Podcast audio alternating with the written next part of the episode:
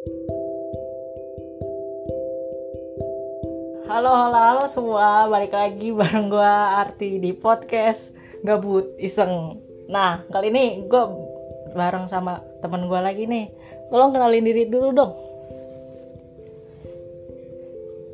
Halo semuanya, aku teman Arti. Namanya siapa? Semua pengen kenal gitu kan. Oke, eh, kenalin nama aku Nadia. Eh, Di sini pengen bahas tentang desa versus kota gitu Karena temen gue ini eh, tinggalnya di mana Nat? Ya intinya di sebuah kampung lah ya. Ya, dan gue sendiri tuh di kota gitu kan, jadi bisa tektokan gitu. Karena emang bener-bener ya udah sharing session aja di sini gitu. Eh, masuk aja deh ya. Gini, menurut lu tuh gimana sih kehidupan di desa lu? Gitu? Kehidupan yang apanya nih? Kegiatannya gitu, aktif apa enggak? Terus lu ngapain aja di desa lu gitu loh? Karena kan setahu gue desa tuh emang gimana ya, lebih ada tingkat gotong royongnya tinggi ya tingkat gotong royongnya tingkat kerjasamanya dan sosialisasinya juga masih berasa lah kebersamaannya gitu Eh, mungkin rada sedikit menyimpang dari pertanyaan atau apa ya soal ini. Yang gue rasain aja ya, ya ya kayak hampir tetangga-tetangganya itu masih saudara gitu. Hampir kayak oh iya benar-benar pernah dengar sih iya Ya, jadi hampir satu kampung itu kalau mau ditelusuri ke atas ke atasnya itu kayak kita masih saudara gitu, masih satu darah. Jadi rasa kekeluargaan, kegiatan gotong eh, sampai tradisi eh di kota ada tradisi ini nggak sih? Kayak nganter-nganteran gitu, kayak misalnya pas mau lebaran, eh, kalau di gua tuh sering nganterin makanan yang keluarga gua masak ke semua tetangga yang deket sama rumah-rumah gua. biasanya sih enggak sih. Kalau kayak gitu enggak ada sih. Itu juga pas kurban pun tuh enggak ada. Maksudnya uh, yang pas kurban pun tuh tertentu gitu loh orang tertentu. Karena emang kita di kota ini tuh ya orang lain uh, bahkan pendatang tuh banyak gitu bahkan tetangga gue ini dari Jawa Barat dari Jawa Tengah jadi bener-bener kayak ya udah lu pendatang ke sini gitu Oh, kalau di desa gue tuh masih ada tradisi itu kan. Jadi kayak eh, pengikat kesaudaraannya tuh masih masih kental lah. Terus orang-orang pendatang yang kayak misalnya nih kakak gue, eh, kakaknya ayah gue tuh nikah sama orang Jawa misalnya. Mm-mm. Sedangkan kan kita adalah orang-orang Sunda gitu. Kan beda ya. Iya, beda. Jawa dengan Sunda. beda tradisi juga Kita gitu men- Iya, tapi kalau dia tinggal di tempat kita ya kita menerima mereka gitu. Ya kalau mereka diem, kita bakal lebih comel gitu. Kayak deketin dia, biar dia mau sosialisasi sama. Terus untuk keaktifan, eh, jujur gue sekarang lagi aktif-aktifnya banget nih ikut aktivis di kegiatan desa. Kayak mulai kegiatan di Karang Taruna, kegiatan-kegiatan yang eh, terjun langsung ke masyarakat, terus ngehadapin masyarakat-masyarakat yang bawel, masyarakat-masyarakat yang emang bisa menerima. Karena enggak, eh, mungkin pandangan lo tentang desa gimana sih? Pandangan lo tentang kampung gimana sih? Aduh, gue gue suka banget jujur aja. Gue pernah ke desa lah. Gue pernah ke uh, pulang lah ke Klaten tempat gue tinggal itu udah berbeda banget sih emang. Karena uh, iya yang gue rasain emang antar tetangganya itu deket gitu. Terus juga saudaraannya tuh bener-bener ya Allah cuma lima menit jalan kaki, cuma lima menit naik motor. Bener-bener waktu di sana pun lah kok ini deket banget ya? Padahal udah padahal beda kawasan tapi emang deket banget dirasainnya gitu kan. Ya pokoknya emang bener-bener aduh demen sih tinggal di desa. Terus juga masih hijau banget gak sih? Nggak nggak semeraut kayak di kota lah. Intinya tuh kalau di kota tuh bener-bener ya emang mungkin beda ya. Maksudnya kayak di sini padat penduduk juga kan. Terus rumahnya juga mepet-mepet kan. Kalau misalnya di desa tuh emang masih jauh-jauhan yang gue rasain gitu kan Ya, terus kalau di kota kan udah kayak unsur tata kotanya tuh lebih rapi kan, kalau rumah-rumah biasanya. Nggak kayak di desa yang berantakan ngadepnya ke sana ke sini ke sono, nggak jelas lah. kayak sesuka hati yang punya rumah ngadepnya ke mana aja gitu loh iya bener nggak sih? sih ya lebih lebih tertata juga di sini gitu karena emang padet banget sa di sini tuh di kota tuh udah nggak ada sama sekali. Udah nggak ada sama sekali sawah. Mungkin di Jakarta ya. Ini ini gua ini ngomongin Jakarta ya. Emang udah sama sekali nggak ada sawah. Bahkan waktu dulu pun di Ciracas ada ya. Sawah tuh sekarang udah jadi LRT gitu. Udah digusur udah jadi LRT lah. Intinya ya karena kota juga gitu kan. Udah gitu kota Jakarta emang eh, metropolitan banget. Jadi ya padet banget lah. Gitu nah udah berarti lo aktif ya di di desa lo tuh aktif ya? Kalau gue sih enggak. Di tempat tinggal gue enggak. Sumpah nggak tahu kenapa nggak mau deh. Gue senang dengan gue senang dengan organisasi-organisasi yang ada di desa sih. Iya, gimana ya? Mungkin kalau gue tinggal di desa juga bakal gitu sih, karena emang uh, cara bersosialisasinya juga yang gue rasain beda banget di sini sama di desa gitu. Bener-bener lebih nyaman di di desa sih, karena gue pribadi jujur orangnya nggak suka yang empet-empetan yang orang banyak kayak gitu tuh nggak suka gitu. Makanya gue sekarang lebih milih di rumah aja. gitu. Iya gak sih? iya iya Iya. Yang gue rasain tuh kayak gitu. capek banget gak sih kalau lihat banyak orang tuh Nah, lu kan lu kan juga kuliah di kota kan? Maksudnya gimana tuh? ya lu pasti Ngap banget ya Iya. culture shock nih culture shock banget Ya, ah. Nih, mau nanya nih. Menurut lu lebih baik kota apa desa? gimana jawabnya ya Kelebihan kekurangan masing-masing emang ada sih ya, ya nggak sih? iya pastinya dong gue mau cerita aja kali ya Iya cerita nggak Eh, apa-apa. awal- Sharing aja di sini. iya boleh kan Boleh, boleh banget, boleh banget. kayak nih gue mulai dari TK, MI, SMP itu bener-bener eh, di lingkup desa yang ya orang-orangnya itu itu aja gitu loh. Terus waktu SMP itu ikut organisasi yang kayak membuka mindset kan, yang tadinya mungkin kalau gue nggak ikut organisasi hari ini gue nggak nggak akan ketemu sama lo Iya, betul. mindset gue akan berbeda juga karena yang gue lihat dari teman-teman gue yang ikut organisasi sama yang enggak itu jauh berbeda. Yang nggak ikut organisasi itu bener-bener mindset desa.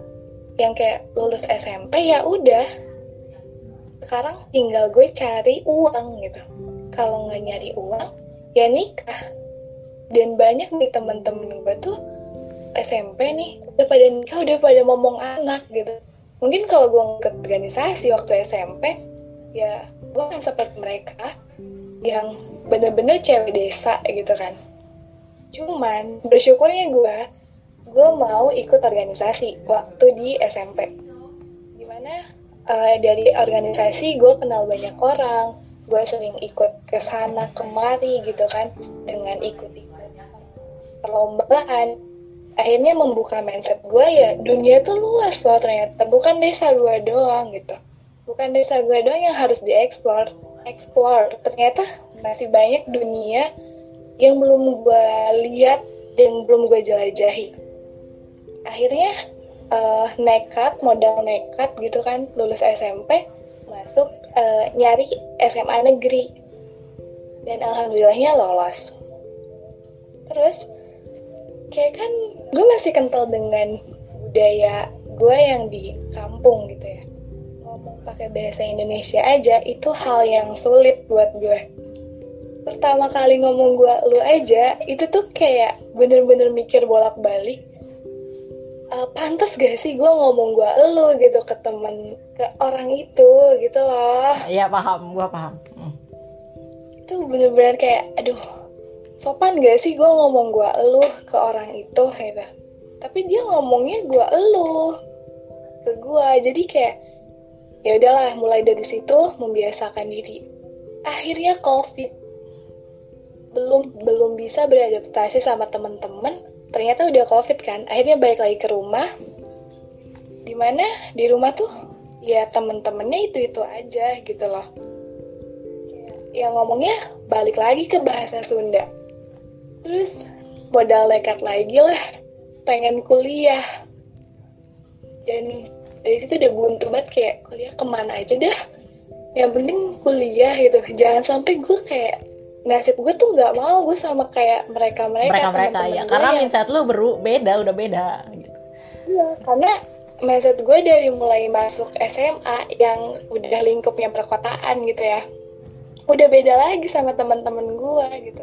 Kayak bener-bener ah desa gue harus gue ubah nggak boleh cewek kayak gini gitu loh. Ya benar-benar woman empowerment anja ya benar-benar. Karena emang uh, kebanyakan orang desa juga masih mikir ya lu setelah lulus ya lu nikah gitu kan.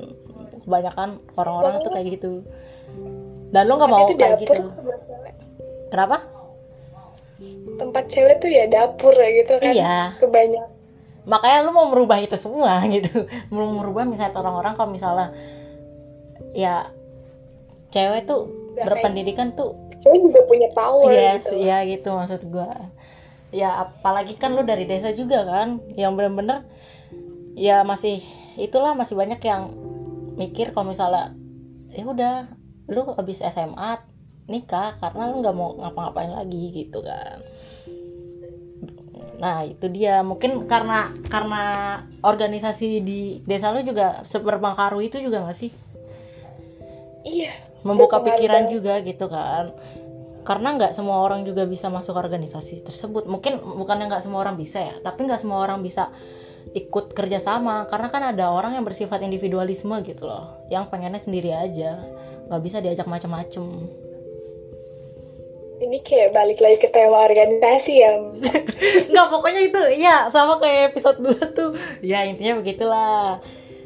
Uh, yang eh nggak usah nggak tau deh pokoknya ini gue nanya lagi nih pandangan lu nih dengan adanya ketimpangan akses dari segi transportasi umum, pendidikan, layanan kesehatan, uh, instruksi, eh maksudnya uh, maksudnya kayak bangunan-bangunan gitu di desa sama yang ada di kota itu kan pasti beda banget gak sih? kayak aksesnya tuh bakal lebih sulit di kalian yang di desa daripada yang di kota karena jujur aja ya yang di kota itu gampang buat ke mana-mana gampang banget dan lu cuma perlu kartu kayak ya pokoknya kartu lah intinya kartu transportasi umum. Terus lu bisa naik kereta terus lu bisa naik busway. Itu udah nyampe Jakarta Pusat udah bisa sampai mana-mana sih. Lu gimana tuh menurut lu? Ada ketimpangan akses tuh. Gimana ya? Karena kan infrastrukturnya kayak jalanannya juga kan emang beda. Di kota udah ada uh, emang jalan khusus gitu kan. Kayak khusus buat pejalan kaki sama yang bener-bener buat kendaraan doang. Terus ada dua jalur. Sedangkan kita di desa tuh cuman kayak satu aja tuh udah bersyukur banget udah masuk mobil aja tuh udah udah cukup banget buat kita. Bahkan ya desa gue tuh kan nggak ada transportasi umum sama sekali. Desa gue tuh bener-bener ya, kayak kayak sulit banget gak sih? Kita mau gojek pun gojek makanan tuh nggak bisa ya nggak sih Nat? Gak ada kayaknya. Gak ya. ada yang pernah ya, terus... Kalinya ada pun pasti gojek-gojeknya tuh nyasar. Terus terus lanjut? Ya, Menanggapinya juga ya mungkin tahun ke depannya mungkin bakal ada pembangunan yang lebih merata kali ya dari Indonesia dari dari pemerintah pusat lah seenggaknya. Ya tolong dong pemerintah pusat dengarkan keluh kesah kami apalagi bagian pendidikan ya, gitu. Tolong diperatain gitu. Jangan cuma orang kaya dong yang bisa berpendidikan tapi orang yang uh, di daerah 3T gitu terdepan tertinggal terluar tuh harus diperhatikan lagi lah gitu loh. Karena banyak juga anak teman-teman gue ngabdi ke tempat 3T kayak gitu banyak. Dan itu suka rela gitu loh buat ngajarin mereka. Ya karena itu menurut gue akses yang sulit ya dan belum merata juga gitu. Itu PR banget buat pemerintah. Pemerintah dong iya PR banget itu buat pemerintah. Sayangnya pemerintah kita banyak banget yang korupsi. Jadi ya, betul. nah itu dia. Makanya susah banget. PR itu. Yang pertama tuh harusnya pendidikan dulu sih emang. Karena biar dari pendidikan itu mindset sebuah pelajar itu bisa berubah gitu. Bener banget bener banget kayak mulai dari usia dini tuh harus ditanamkan mindset pendidikan itu penting gitu loh. Iya bener. Apalagi kita sebagai perempuan tuh kan madrasah awalnya anak-anak kita nanti kan. Mm-mm. Uh, pokoknya ya kita jangan mikir pendidikan gak penting lah. Pokoknya ya ya udahlah. Pokoknya yang penting kalian dapat ilmu gitu loh lewat apa pun caranya ada sekolah paket kok sekarang gitu. Nah. Kalau emang lu nggak mau sekolah yang formal, reguler gitu loh. ya ah, mungkin Tapi bahas menurut gue ya, Ti, kenapa orang desa juga ya itu harus ditanamkan mindsetnya dulu. iya benar Kalau nggak ditanamkan mindset dari kecil ya mereka akan mengikuti sebuah tradisi yang udah ada gitu. Kalau mereka udah dikasih mindset nih harus kayak gini loh nanti tuh Indonesia bakal kayak gini misalnya. Nah mereka bakal berpikir untuk kayak oh iya gue harus bisa merubah nasib gue. Bahkan Allah aja pernah janjiin kita kayak eh, Allah bakal ngerubah suatu kaum kalau dia mau bergerak. mau merubah Iya iya sih? iya benar-benar Iya kan? nah iya ya orang-orang desa juga nggak bisa diem aja gitu. Kalau kita mau berubah ya kita harus, harus bergerak, kita harus ber- kita harus merubah nasib kita. Nah benar Jangan tuh kalah sama orang kota. Nah, sebenarnya sih kalau di kota ya, mungkin dari segi pergaulan aja sih. Oh iya, gue mau nanya itu sih. Pergaulannya gimana kalau misalnya di desa? Pergaulan pertemanan ya? Pergaulan pertemanan, jujur gue tuh introvert awal-awal, awal-awal ya. Sekarang nggak? Waktu waktu covid, waktu Oh, COVID. itu bener-bener gue mulai terjun ikut berkecimpung di masyarakat, di masyarakat kan. akhirnya gue punya temen akhirnya gue kenal sama samping sam- beberapa rumah di sini gitu sama anak-anak mudanya gue kenal mereka anak-anak yang rajin kayak masih sholat masih ngaji gitu terus eh, apa lagi ya?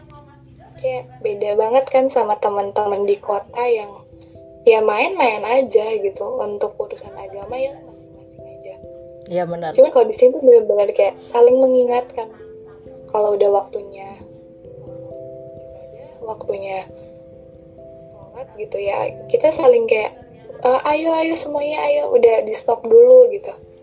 Kita lagi rapat misalnya. Terus kan masih banyak anak-anak muda ya yang cowok-cowoknya. Mereka ya stop dulu mau nggak mau gitu. Kayak stopnya itu bukan break azan tapi break sholat yang mereka langsung ke masjid dan perempuannya juga eh, di musola gitu loh. Kayak kalau di kota yang pernah pernah gue alamin kayak ya kita break azan aja gitu. Ya Sedangkan benar. kegiatan itu mau kita laksanain dan itu beda banget. Iya di kota juga sebenarnya pergaulannya ya pergaulannya ya sebelas enggak sih enggak. Ini pokoknya maksudnya setengah-setengah sih. Maksudnya kayak ada yang beneran baik ada yang beneran buruk banget. Sekalinya lu nyemplung ke buruk tuh lu bakal nyemplung ke situ terus gitu kalau di kota. Sekalinya lu dapet yang baik lu bakal dapet yang baik terus itu kalau di kota. Bahkan tuh ya kalau di kota ya emang ya lu tau lah bener-bener anak-anak yang apalagi yang bagian sono gitu kota, Jakarta sono. Yang nggak perlu gua sebutkan ya itu mainnya ya di klub gitu pokoknya ya Anjir, ya sep, gue boro-boro. Iya sep- separah itu emang sebenarnya kalau lu tahu sisi kelam Jakarta tuh separah itu emang gitu. Kalau misalnya lu uh, menyusur ke dalam ya karena pun gue emang mainnya aman aja gitu kalau gue tapi ya pokoknya adalah sisi kelamnya tuh lebih lebih lebih lebih parah gitu. Yang kita nggak tahu ya mabuk lah ya judi lah yang pokoknya itu bener-bener ya elah bener-bener yang harus dilakukan banget sama anak muda sekarang itu. Padahal itu nggak boleh tapi itu jadi kebiasaan mereka di sini. Karena yang mereka nggak bisa ngendalain eh ngendaliin pergaulan mereka juga. Itu kalau di kota tuh ya makanya gue bilang kalau misal sekali lo nyeburin yang jelek lu bakal ketemu yang jelek terus. Kalau misal lo gak nyebur ya nggak apa-apa nggak masalah gitu. Lu bakal ketemu yang baik-baik juga di sini gitu. Toh gue selama ini di kota juga alhamdulillah ya dapet teman-teman dapet sekitaran gue tuh yang baik-baik gitu. Karena gue emang sekolah Islam terus juga nggak sih? Tapi ya nggak ini sih nggak menutup kemungkinan juga sekolah Islam bakal ada yang begitu juga. Ya gitulah tapi alhamdulillah gue teman-teman gue dari dulu sampai sekarang ya baik-baik banget lah intinya gitu. Oke mungkin itu aja kali ya podcast hari ini. Penutup dari gue sendiri nih ya tetap jaga pergaulan aja lah di mana pun kalian berada intinya itu. Terus ya maupun di desa mau di kota ya sama aja sebenarnya. Nggak ada nggak ada bedanya ya paling ya dari segi yang tadi kita udah bicarain aja. Mungkin Nadia ada kata-kata? Uh, gue cuma bilang kayak gak selamanya kota itu jahat gak selamanya desa itu baik. Semuanya punya sisi negatif dan positifnya masing-masing. Yeah. itu ada uh, itu gimana cara kita uh, apa sih? Cara kita ini aja. Apa tuh? Cara kita uh, ngelihatnya kayak gimana gak sih? Ya ya desa juga punya sisi sisi yang negatif gitu nggak selamanya desa bisa dianggap baik Iya betul. Ada lingkungan yang toksik juga gitu di desa. Cuman ya itu gimana kitanya aja. Ya. ya, ya. Mau di mana pun kalian berada, emas tetap emas asik. Yang penting ada is number one. Yes, ada itu attitude ya jangan lupa ya dijaga. Ya udah makasih ya Nadia. Dadah dulu dadah. Dadah. Sama-sama. Makasih ya. Sama-sama.